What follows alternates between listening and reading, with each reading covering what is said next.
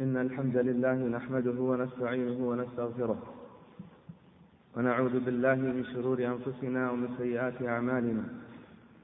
من يهده الله فلا مضل له ومن يضلل فلا هادي له. وأشهد أن لا إله إلا الله وحده لا شريك له. وأشهد أن محمدا عبده ورسوله. يا أيها الذين آمنوا اتقوا الله حق تقاته ولا تموتن إلا وأنتم مسلمون. يا أيها الناس اتقوا ربكم الذي خلقكم من نفس واحدة وخلق منها زوجها وبث منهما رجالا كثيرا ونساء. واتقوا الله الذي تساءلون به والأرحام. إن الله كان عليكم رقيبا. يا أيها الذين آمنوا اتقوا الله وقولوا قولا سديدا. يصلح لكم أعمالكم ويغفر لكم ذنوبكم. ومن يطع الله ورسوله فقد فاز فوزا عظيما. أما بعد فإن أصدق الحديث كلام الله وخير الهدي هدي محمد صلى الله عليه وسلم وشر الأمور محدثاتها وكل محدثة بدعة وكل بدعة ضلالة. وكل ضلالة في النار. عباد الله إن جريمة اليهود الأخيرة حين اغتالوا شيخنا أحمد ياسين ليست بالجريمة الأولى ولن تكون الأخيرة. لقد واجه اليهود الإسلام بالعداء منذ اللحظة الأولى التي قامت فيها دولة الإسلام المجيد. فألبوا على الإسلام والمسلمين كل قوى الجزيرة العربية وراحوا يجمعون القبائل المتفرقة لحرب المسلمين ويقولون للذين كفروا هؤلاء أهدى من الذين آمنوا سبيلا. ولما غلبهم الإسلام بعز عزيز استمروا يكيدون له بنفس المفتريات وبالبث بين صفوف المسلمين. وإثارة الفتن بينهم وتأليب خصومهم عليهم. أليس اليهود هم الذين ألبوا الأحزاب على الدولة المسلمة الأولى في المدينة؟ فرد الله كيدهم في نحورهم. أليس اليهود هم الذين ألبوا العوام وجمعوا الشراذم وأطلقوا الشائعات في فتنة مقتل عثمان رضي الله عنه وما تلاها من النكبات؟ أليس الذي قاد حملة الوضع والكذب في أحاديث النبي صلى الله عليه وسلم في الروايات والسير؟ يهودي منهم يريدون أن يبدلوا كلام الله كما حرفوا التوراة والإنجيل. وفي عصرنا هذا أليسوا هم الذين يقودون المعركة على الإسلام في كل شبر على وجه الأرض؟ أليسوا هم الذين يستخدمون الصليبية والوثنية في هذه الحرب الشاملة. أليسوا هم الذين يصنعون العملاء الذين يتسمون بأسماء المسلمين يصنعونهم أبطالا ثم يشنون بهم حربا صليبية صهيونية على كل جذر ثم يشنون بهم حربا صليبية صهيونية على كل جذر من جذور هذا الدين؟ وهل يغيب عنا وعن كل مسلم أنهم كانوا خلف إسقاط الخلافة الأخيرة وكانوا وراء إثارة النعرات ووراء الانقلابات التي انتهت بإلغاء الخلافة وتقسيم بلاد المسلمين إلى دويلات. وهل يغيب عنا أن الذي فعل كل هذا هو أتاتورك اليهودي عليه لعنة الله؟ أليسوا؟ هم الذين يقودون اليوم حملة التشويه ضد الإسلام وضد نبي الإسلام. إن كانوا قد دبروا مؤامرة اغتيال الشيخ أحمد ياسين فلقد دبروا مؤامرات ومؤامرات لاغتيال نبينا صلى الله عليه وسلم مرات ومرات. ومن قبل نبينا قاموا بقتل الأنبياء وتآمروا على عيسى عليه السلام لقتله فأخزاهم الله. حتى أصبح اسمهم قتلة الأنبياء. ولقد وصفهم القرآن بهذه الجريمة الشنيعة فقال الله لقد أخذنا ميثاق بني إسرائيل وأرسلنا إليهم رسلا. كلما جاءهم رسول بما لا تهوى أنفسهم فريقا كذبوا وفريقا يقتلون. وقال الله إن الذين يكفرون بآيات الله ويقتلون النبيين بغير حق ويقتلون الذين يأمرون بالقسط من الناس فبشرهم بعذاب أليم. إن لديهم جرأة عجيبة على الفتك بدعاة الحق للتخلص من معارضتهم لجرائمهم ولوقوفهم في وجه أهوائهم. حتى ولو كان هؤلاء الدعاة حتى ولو كان هؤلاء الدعاة من أنبيائهم فها هو قاض من قضاتهم يقتل نبي الله حزقيال عليه السلام لأنه نهاه عن منكرات فعلها. ثم ها هو أحد ملوكهم يقال له منسى. يقتل نبي الله أشعياء ابن آموس عليه السلام إذ أمر بنشره على جذع شجرة في سنة سبعمائة قبل الميلاد. السبب أنه كان ينصحه ويعظه بترك السيئات والموبقات. ثم قاموا برجم نبي الله آرميا عليه السلام لأنه أكثر من توبيخهم على منكرات أعمالهم وكبائر معاصيهم. ثم قام ملك من ملوكهم يقال له هيرودس قام بقتل نبي الله يحيى عليه السلام. وكان هذا الملك شريرا فاسقا وكانت له ابنة أخ هو عمها يقال لها هيروديا.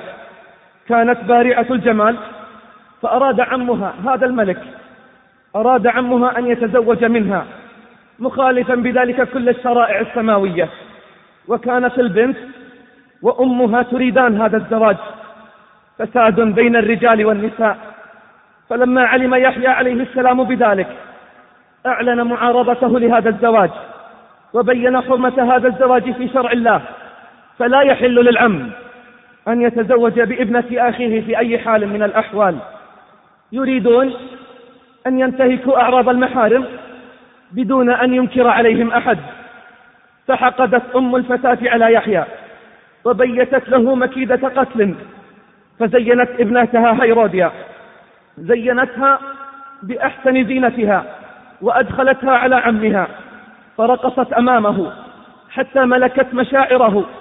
فقال لها تمني علي. فقالت له أريد رأس يحيى بن زكريا في هذا الطبق كما علمتها أمها الفاجرة. فاستجاب لطلبها وأمر برأس يحيى عليه السلام. فقتل وقدم لها رأسه في طبق والدم ينزف منه. وكان ذلك في سنة ثلاثين ميلادية.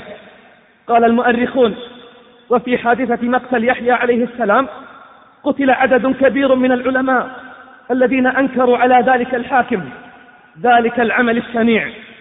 ثم قام هذا الملك أيضا بقتل زكريا عليه السلام لأنه دافع عن ابنه يحيى عليهما السلام وعارض ذلك الزواج الفاسد. قاتلهم الله أن يؤفكون. لم تنتهي مؤامراتهم ومحاولات اغتيال الأنبياء بعد, بعد تلك الحادثة بل بعدها بسنوات ثلاث قاموا بمحاولة اغتيال عيسى عليه السلام الذي فضح دسائسهم وتزييفهم لدينهم. فاجتمع عظماؤهم وأحبارهم فقالوا إننا نخاف من عيسى. إننا نخاف من عيسى أن يفسد علينا ديننا ويتبعه الناس. يقصدون ذلك الدين المزيف الذي زيفوه وغيروه وبدلوه. فقال لهم رئيس كهنتهم يومئذ واسمه قيانا. لأن يموت رجل واحد خير من أن يذهب الشعب بأسره. يموت يموت نبي الله ويقتل فداء لتزييفهم ومنكراتهم فأفتى باستباحة قتل عيسى عليه السلام. فكشف الله أمرهم وأنقذ نبيه من بين أيديهم فخرج عيسى واختفى عن أعينهم ودخل القدس. وتلقاه أصحابه بقلوب النخل. فقال موسى فقال المسيح لأصحابه. فقال المسيح عيسى لأصحابه وحواريه إن بعضكم ممن يأكل ويشرب, ويشرب معي يدل علي. الله أكبر. النفاق موجود من غابر الزمان. قاتل الله النفاق والمنافقين والخونة والخائنين. فدل على مكانه ذلك الخائن. فدخلوا معه إلى المكان الذي كان فيه عيسى عليه السلام. فألقى الله شبهه عليه. ألقى الله شبهه, شبهه عليه. وغش الله على أعينهم. فلم يروا عيسى. وقاموا, وقت وقاموا بقتل وصلب ذلك الذي دلهم. وخان الأنبياء. فلما انكشف الأمر بعد الصلب أخفوا ذلك الأمر. لئلا يؤمن الناس بديانة عيسى عليه السلام وحتى لا يتأكدوا من صدق نبوته ورسالته. ويدل على أنهم ما استطاعوا قتل عيسى عليه السلام أو صلبه. قول الله جل بعلاه وقولهم إنا قتلنا المسيح عيسى ابن مريم رسول الله وما قتلوه وما طلبوه ولكن شبه لهم وإن الذين اختلفوا فيه لفي شك منه. ما لهم به من علم إلا اتباع الظن وما قتلوه يقينا بل رفعه الله إليه وكان الله عزيزا حكيما. وإن من أهل الكتاب إلا ليؤمنن به قبل موته ويوم القيامة يكون عليهم شهيدا. فبظلم من الذين هادوا حرمنا عليهم طيبات أحلت لهم وبصدهم عن سبيل الله كثيرا وأخذهم الربا وقد نهوا عنه. وأكلهم أموال الناس بالباطل وأعتدنا للكافرين منهم عذابا أليما. ثم بعد عيسى عليه السلام كان منهم أي من اليهود من اختار الهجرة إلى يثرب والمناطق الواقعة على طريق الشام. وسبب ذلك ما يقرؤون في كتبهم من البشائر بالنبي المنتظر الذي سيظهر الله به الدين. وكانوا يزعمون أنه لا بد أن يكون هذا النبي المنتظر من بني إسرائيل وأنهم سيكونون أول من يتبعه وسيقاتلون العرب الوثنيين معه وسيستعيدون ملك بني إسرائيل في الأرض أحلام وأوهام. ولما لم يأتي هذا النبي الموعود ولما لم يأتي هذا النبي الموعود به من بني إسرائيل بل جاء من العرب أولاد إسماعيل عليه السلام حسدوهم. والحسد خصلة متوارثة فيهم فكفروا به فكفر به عامة اليهود ولم يؤمن منهم إلا قليل ولم يكن الباعث لمن كفر منهم أن قلوبهم لم تصدقه كلا فهم قد عرفوه بصفاته المذكورة عندهم وإنما كفروا به بغيا وحسدا من عند أنفسهم من بعد ما تبين لهم الحق. أوضح الله ذلك في كتابه فقال ولما جاءهم كتاب من عند الله مصدق لما معهم وكانوا من قبل يستفتحون على الذين كفروا. فلما جاءهم ما عرفوا كفروا به فلعنة الله على الكافرين. وقال سبحانه الذين آتيناهم الكتاب يعرفونه كما يعرفون أبناءهم وإن فريقا منهم ليكتمون الحق وهم يعلمون. الحق من ربك فلا تكونن من الممترين. تقول أم المؤمنين صفية رضي الله عنها وأرضاها لما نزل النبي صلى الله عليه وسلم المدينة ونزل بقباء غدا عليه أبي حيي بن أخطب وعمي أبو ياسر مغلسين أي في الصباح الباكر بعد الفجر. قالت صفية فلم يرجعا حتى كان مع غروب الشمس فأتيا كالين كسلانين. قالت وسمعت عمي أبا ياسر وهو يقول لأبي حي وهو يقول لأبي حيي بن أخطب أهو هو؟ أهو هو؟ قال نعم والله. قال أتعرفه وتثبته؟ قال نعم. قال فمين فما في نفسك منه؟ قال عداوته والله ما بقيت. قال عداوته والله ما بقيت. تأكد. وهما من أحبار اليهود أنه هو الرسول المنتظر. وتلك صفاته التي جاءت في كتبهم لكنه الحقد الأسود والحسد الذي ملأ قلوبهم. وهذه مشكلة إبليس يوم أن خلق الله آدم فشعر بالاستعلاء والاستكبار فهم والشيطان سواء. ود كثير من أهل الكتاب لو يردونكم من بعد إيمانكم كفارا حسدا من عند أنفسهم من بعد ما تبين لهم الحق. فاعفوا واصفحوا حتى يأتي الله بأمره. إن الله على كل شيء قدير. فلما أقام النبي صلى الله عليه وسلم بالمدينة أقام بينه وبينهم عهودا ومواثيق وحسن جوار ولا زالوا ينقضون العهود والمواثيق ويبرمون الخيانات ويكيدون المكائد حتى نفد صبر النبي صلى الله عليه وسلم وبدأ بإجلائهم من المدينة. وذلك بعد تجرؤهم على نساء المسلمين. فبينما امرأة من المسلمات في سوق بني قينقاع تبيع قطعة ذهب لها فجلست إلى صائغ يهود فجلست إلى صائغ يهودي تشتري منه وكانت محجبة الوجه فجعل نفر منهم يستهزئون, يستهزئون بها وبحجابها ويطلبون منها أن تكشف وجهها. وتأبى هي ذلك. فالعفيفة لا تكشف وجهها ولا تتخلى عن حجابها. قد تخرج للسوق لحاجة لكنها لا تتخلى عن حيائها. فعمد الصائغ اليهودي إلى طرف ثوبها من خلف وعقده إلى ظهرها وهي جالسة دون أن تشعر المرأة بما فعل ذلك اليهودي. فلما قامت انكشفت سوءتها فانطلقت من اليهود ضجة ضحك وسخرية بالمرأة المسلمة العفيفة الطاهرة. فلما أحست المرأة بما فعل الصائغ بها من مكر صاحت واستغاثت بالمسلمين لشرفها المهان في سوق يهود. رفعت صوتها وإسلاما وإسلاما وإسلاما.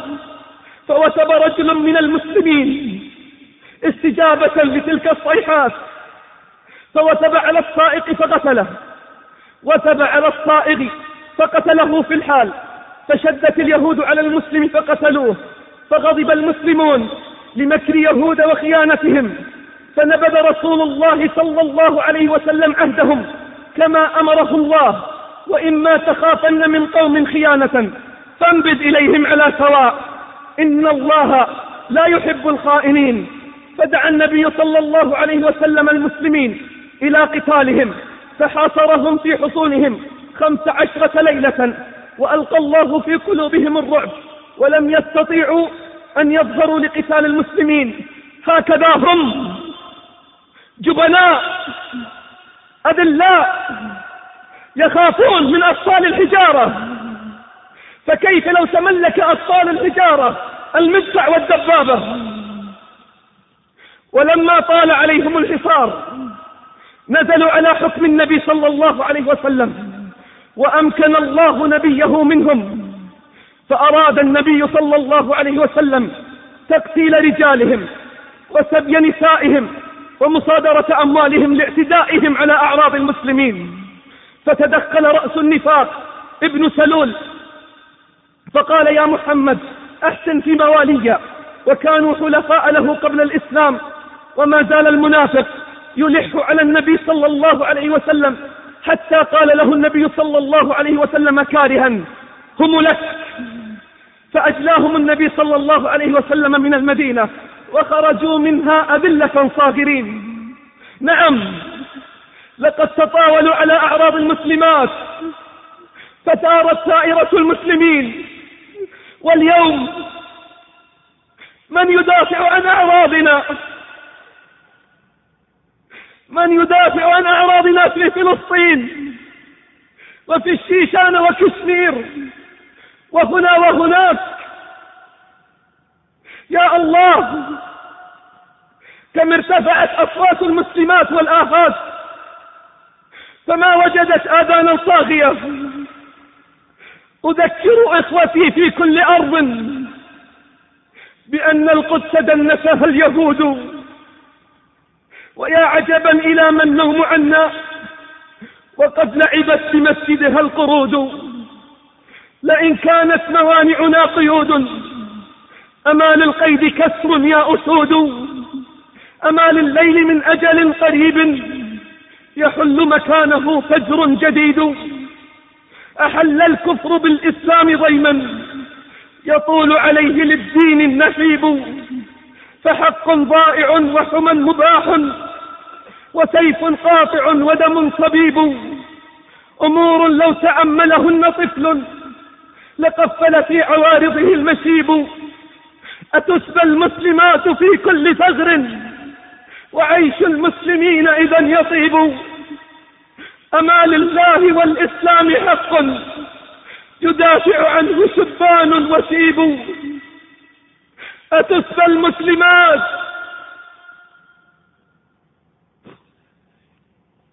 أتسبى المسلمات في كل ثغر؟ وعيش المسلمين إذا يطيب؟ أما لله والإسلام حق يدافع عنه شبان وسيب فقل لذوي البصائر حيث كانوا. أجيبوا الله ويحكم أجيبوا عباد الله وبعد إجلاء يهود بني قينقاع حاول يهود بني النضير اغتيال النبي صلى الله عليه وسلم وكان قد انطلق إليهم في أمر بينه وبينهم فلما جاءهم خلا بعضهم إلى بعض فقالوا إنكم لن تجدوا الرجل على مثل هذه على مثل هذه الحال أبدا. فمن رجل يعلو على هذا البيت فيلقي عليه صخرة فيريحنا منه. فانتدبوا رجلا منهم فقال أنا لذلك. فنهاهم عنه أحد أحبارهم وهو سلام بن مشكم وقال لهم هو يعلم أي أن الوحي سيق أي أن الوحي سيخبره وسيفضحكم فلم يقبلوا منه. فلما صعد أشقاهم ليلقي الصخرة على النبي صلى الله عليه وسلم نزل الوحي بالخبر والله يعصمك من الناس. وفضح المؤامرة فانسحب النبي صلى الله عليه وسلم من المكان. وشاع خبر مكيدتهم. وضج المسلمون من ذلك فتهيأ النبي صلى الله عليه وسلم وأصحابه لقتالهم فحاصرهم وأخرجهم من المدينة أذلة صاغرين. ولم تنتهي مؤامراتهم ووسائل المكر والكيد ضد الإسلام وضد نبي الإسلام. ولما فشلت خططهم الماكرة لجأوا إلى أسلوب الضعفاء والجبناء فحاولوا أن يدسوا السم للنبي صلى الله عليه وسلم.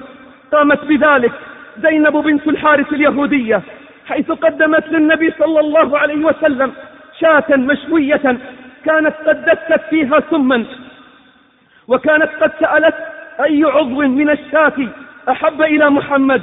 فقيل لها الذراع فأكثرت فيها من السم. فلما وضعتها بين يدي النبي صلى الله عليه وسلم تناول الذراع فلاك منه مضغة فلم يسغها ومعه بشر بن البراء وكان قد أخذ منها كما أخذ النبي صلى الله عليه وسلم. فأما بشر فأساغها. وأما النبي صلى الله عليه وسلم فلفظها ثم قال إن هذا العظم يخبرني أنه مسموم. إن هذا العظم يخبرني أنه مسموم. ثم دعا بالمرأة اليهودية فاعترفت فقال ما حملك على ذلك؟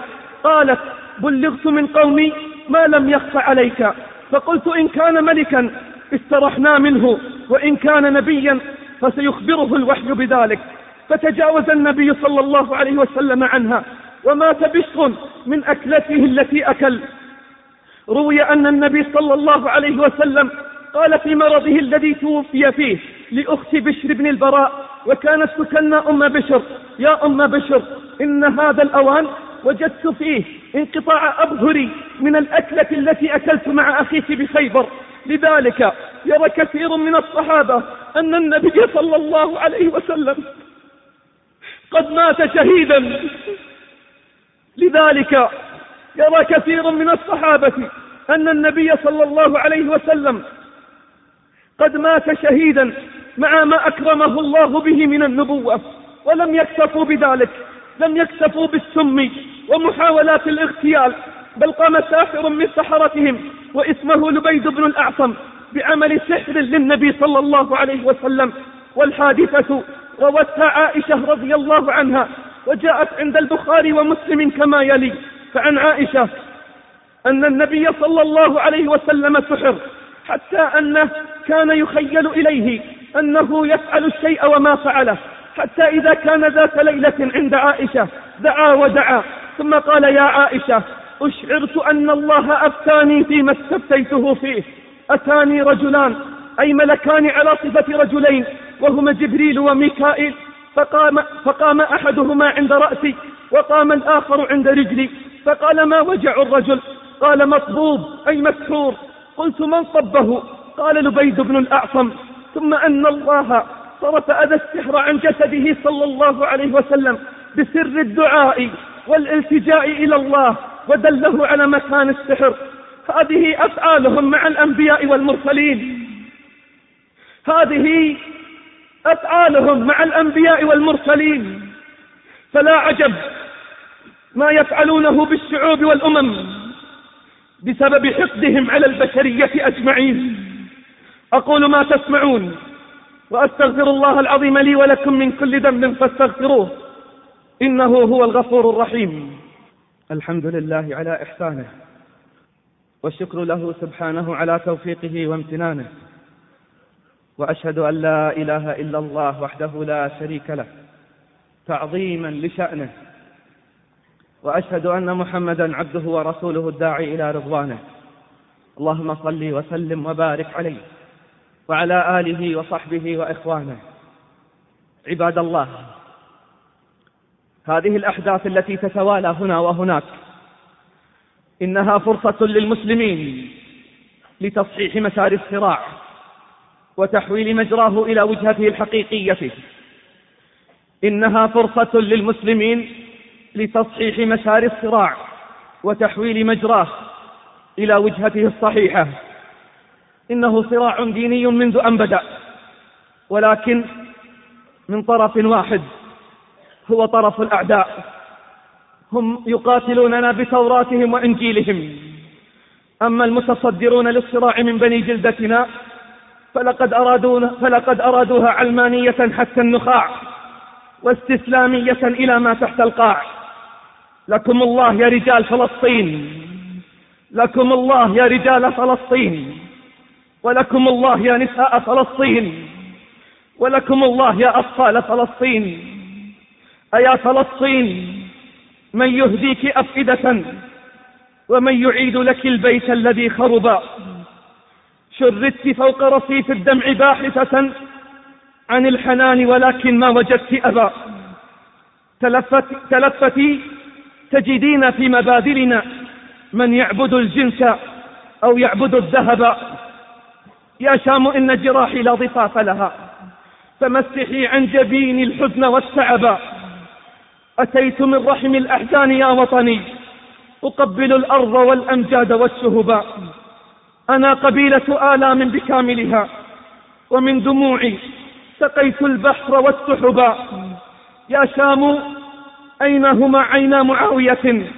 وأين من زاحموا بالمنكب الشهبا وقبر خالد في حمص نلامسه فيرجف القبر من زواره غضبا يا ربي يا رب حي يا رب حي تراب. يا رب حي. تراب القبر مسكنه ورب ميت على أقدامه انتصبا يا ابن الوليد ألا سيف نؤجره؟ فكل أسيافنا قد أصبحت خشبا. أدمت سياط حزيران ظهورهم فأدمنوها وباسوا كف من ضربا. وطالعوا كتب التاريخ واقتنعوا. متى البنادق؟ كانت تسكن الكتب. يا من يعاتب مذبوحا على دمه ونزف شريانه ما أسهل العتبا من جرب الكي لا ينسى مواجعه ومن رأى السم لا يسقى كمن شرب. حبل الفجيعة ملتف على عنقي من ذا يعاتب مشنوقا إذا اضطرب؟ عباد الله إن لم تحفزنا المصائب وترفع هممنا الآلام والأحزان فما الذي يحركنا ويعلينا, ويعلينا؟ يا له من دين. لو أن له رجال.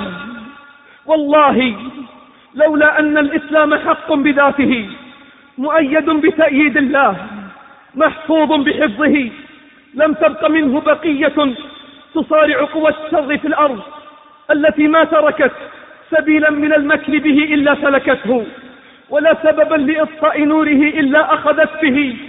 ويمكرون ويمكر الله. والله خير الماكرين والله غالب على أمره. ولكن أكثر الناس لا يعلمون. والله ما تعرض دين على مر السنين والعقود لمؤامرات ومخططات كما تعرض الإسلام. ولكن الله يقيض لهذا الدين رجال يحافظون عنه يحافظون عليه ويدافعون عنه. ولا يضرهم من خالفهم أو خذلهم. إنها الهمم. إنها الهمم هي التي تصنع الرجال. أحمد ياسين شيخ مسلول على كرسي متنقل مهدد بالقتل. ثم تعبى نفسه إلا أن يصلي الفجر في جماعة. فتبا للأصحاء. فتبا للأصحاء والأقوياء. الذين آثروا النوم على نداء رب العالمين.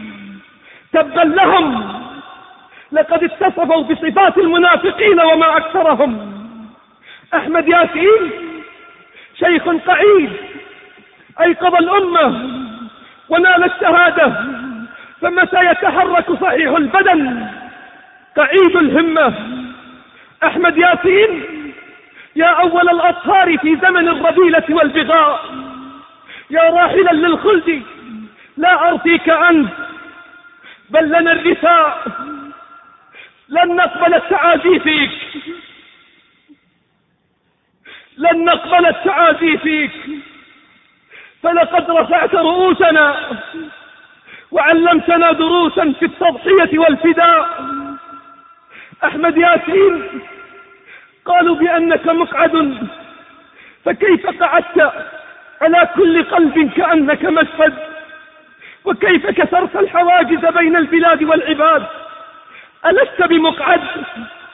ركبت إلينا سفينة نوح فأجريتها وعيون البرية تشهد.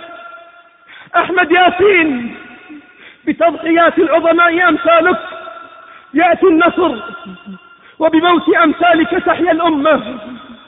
عشت مقعدا قائدا ومت شهيدا رائدا أياسين ماذا تبقى من العمر حتى تموت؟ أياسين ماذا تبقى من العمر حتى تموت؟ أتبعون عاما آخر؟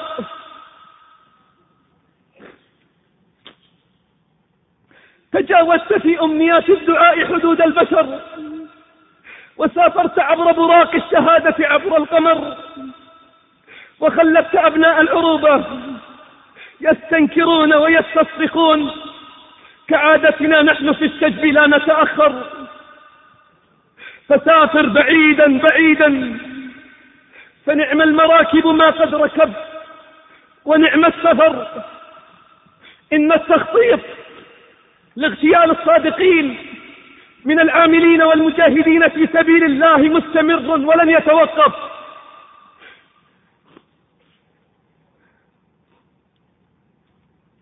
إن إن التخطيط لاغتيال الصادقين من العاملين والمجاهدين في سبيل الله مستمر لن يتوقف. لقد قتلوا عمر رضي الله عنه في محرابه وقتلوا عثمان رضي الله عنه وقرآنه بين يديه. وقتلوا عليا رضي الله عنه. وهو منطلق إلى مسجده. وها هم يقتلون أحمد ياسين. بعد أن صلى الفجر في جماعة وفاز بذمة الله فهنيئا لك اللحاق بركب الصادقين. فهنيئا لك اللحاق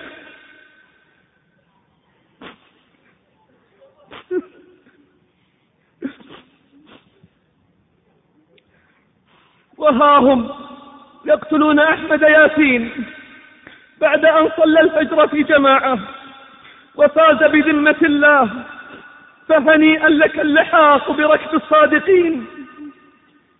هم الرجال بأفياء الجهاد نموا وتحت سقف المعالي وال... وتحت سقف المعالي والندى ولدوا. جباههم ما انحنت إلا لخالقها. وغير من أبدع الأكوان ما عبدوا الخاطبون من الغايات أكرمها والسابقون وغير الله ما قصدوا. عباد الله أمتنا ولودة أمتنا معطاءة أمتنا متجددة. إن كانوا قد قتلوا أحمد ياسين فسيكون هناك ألف أحمد ياسين بإذن الله. فسر قوتنا في معتقدنا في قرآننا في تاريخنا حتى في حجارتنا التي تنطلق من يد صغارنا. نبينا صلى الله عليه وسلم يقول أمتي كالمطر لا يدرى الخير في أوله أو في آخره. ها هم أبناء المسلمين في كل مكان يرددون. خيبر خيبر يا يهود! جيش محمد سوف يعود. سر قوتنا في شبابنا في شيبنا في نسائنا وأطفالنا. سنعيد حياة العز ثانية. وسوف نغلب من حادوا ومن كفروا. وسوف نبني قصور المجد عالية. قوامها السنة الغراء والسور. وسوف نفخر بالقرآن في زمن شعوبه بالفسق والخنف سخروا. وسوف نرسم للإسلام خارطة. حدودها العز والتمكين والظفر. بصحوة ألبس القرآن فتيتها ثوب الشجاعة لا جبن ولا خور. بتضحيات العظماء يأتي النصر بإذن الله وبموت الأبطال تحيا الأمة. فلا نامت أعين الجبناء فلا نامت أعين الجبناء. اللهم تقبل أحمد ياسين. اللهم تقبله في أعلى عليين. أسكنه في جناتك جنات النعيم. اللهم بلغه أعلى درجات الشهداء والصديقين. اللهم أبدله دارا خيرا من داره وأهلين خيرا من أهله وزوجا خيرا من زوجه يا رب العالمين. اللهم تقبل شهداءنا في كل مكان يا رب العالمين. اللهم لا تحرمنا أجرهم ولا تفتنا بعدهم. اللهم افك أسرانا وأسراهم في كل مكان يا حي يا قيوم. اللهم كن مع إخواننا في فلسطين والشيشان وكشمير والفلبين والعراق وأفغانستان. كلهم عونا وظهيرا ومؤيدا ونصيرا. اللهم انصر من نصرهم واخذل من خذلهم. اللهم اكبت عدوك وعدوهم يا قوي يا عزيز. اللهم عليك باليهود الغاصبين. اللهم عليك باليهود الغاصبين. والنصارى المعتدين وأعداء الملة والدين ندرأ بك في نحورهم ونعوذ بك اللهم من شرورهم. اللهم اشتد وطأتك عليهم. اللهم اشتد وطأتك عليهم. اللهم اشتد وطأتك عليهم. اللهم لا ترفع لهم في بلاد المسلمين راية ولا تحقق لهم في بلاد المسلمين غاية وأخرجهم منها أذلة صاغرين. اللهم آمنا في أوطاننا. وأصلح أئمتنا ولاة أمورنا. اجعل ولايتنا في من خافك واتقاك واتبع رضاك يا رب العالمين. اللهم اصلح الشباب والشيب. واحفظ النساء والأطفال يا رب العالمين. عباد الله إن الله يأمر بالعدل والإحسان وإيتاء ذي القربى وينهى عن الفحشاء والمنكر والبغي. يعظكم لعلكم تذكرون. فاذكروا الله العظيم الجليل يذكركم واشكروه على نعمه يزدكم ولذكر الله أكبر.